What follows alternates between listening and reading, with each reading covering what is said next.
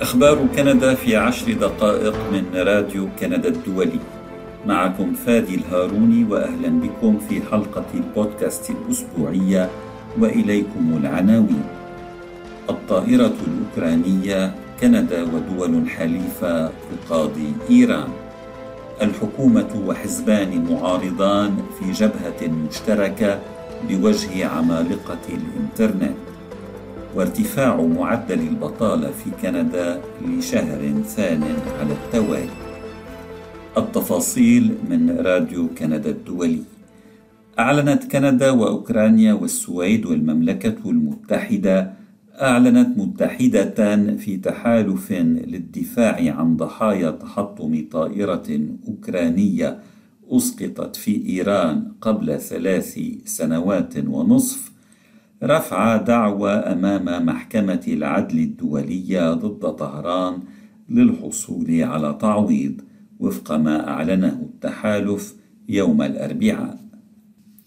وتطالب الدول الأربع في شكواها بأن تقدم إيران اعتذارا علنيا وتعترف بما فعلته وتقدم تعويضا لعائلات الضحايا.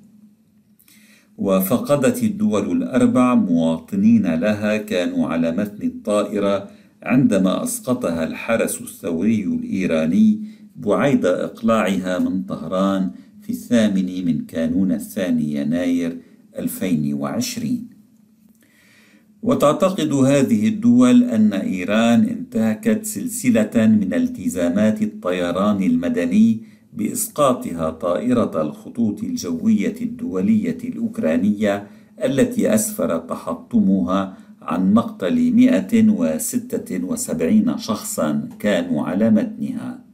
هم جميع ركابها ومعظمهم من الإيرانيين والكنديين بالإضافة إلى جميع أفراد طاقمها. وتطلب الدول الأربع من المحكمة تعويضا كاملا عن جميع الأضرار التي لحقت بها وإلزام إيران بدفع تعويضات كاملة للمدعين عن الأضرار المادية والمعنوية التي لحقت بالضحايا وعائلاتهم. أخفقت إيران في إجراء تحقيق جنائي ومحاكمة جزائية بشكل كامل وشفاف ونزيه وفقا للمعايير الدولية قال تحالف الدول الأربع في بيان.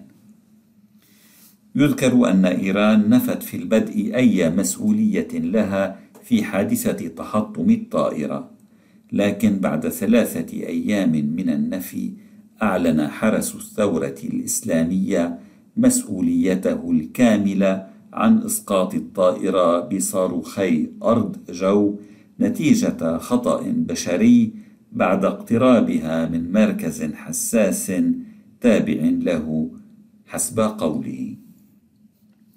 والأسبوع الماضي قررت إيران من جانبها مقاضاه كندا أمام محكمة العدل الدولية لأن أوتاوا سمحت لضحايا هجمات إرهابية بمطالبة طهران بتعويضات أمام محاكم كندية.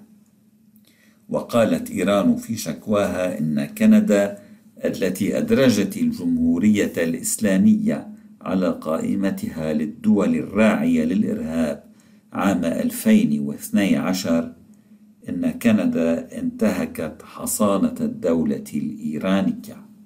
يمكنك الاشتراك في أخبار كندا باستخدام التطبيق الذي تختاره أو عن طريق زيارة موقعنا على الإنترنت راديو كندا.ca rci انضم حزب الكتلة الكيبيكية والحزب الديمقراطي الجديد اليساري التوجه إلى حكومة جوستن ترودو الليبرالية للمطالبة بأن يتوقف اثنان من عمالقة الإنترنت ميتا وجوجل عن أخذ الكنديين رهائن وفق تعبير هذه الأحزاب بسبب القانون الكندي الجديد حول الأخبار على الإنترنت. وتجمع هذه الجبهة المشتركة ثلاثة من الأحزاب الأربعة الرئيسية الممثلة في مجلس العموم وحوالي ثلثي النواب. حزب المحافظين الكندي الذي يشكل المعارضة الرسمية أدان من جهته القانون الكندي الجديد. ويلزم القانون الكندي للأخبار على الإنترنت عمالقة الشبكة العنكبوتية بالتفاهم مع وسائل الإعلام الكندية من أجل دفع أتعاب لها مقابل نشر مقالاتها وتقاريرها. وحصل مشروع القانون على الموافقة الملكية في الثاني والعشرين من حزيران يونيو فأصبح قانونا وسيدخل حيز التنفيذ بعد ستة أشهر من التاريخ المذكور واحتجاجا على تبني البرلمان الكندي القانون الجديد أعلنت كل من جوجل وميتا أنهما ستحضران في المستقبل نشر أخبار واردة من وسائل إعلام كندية على شبكاتهما الاجتماعية ومحركات البحث الخاصة بهما.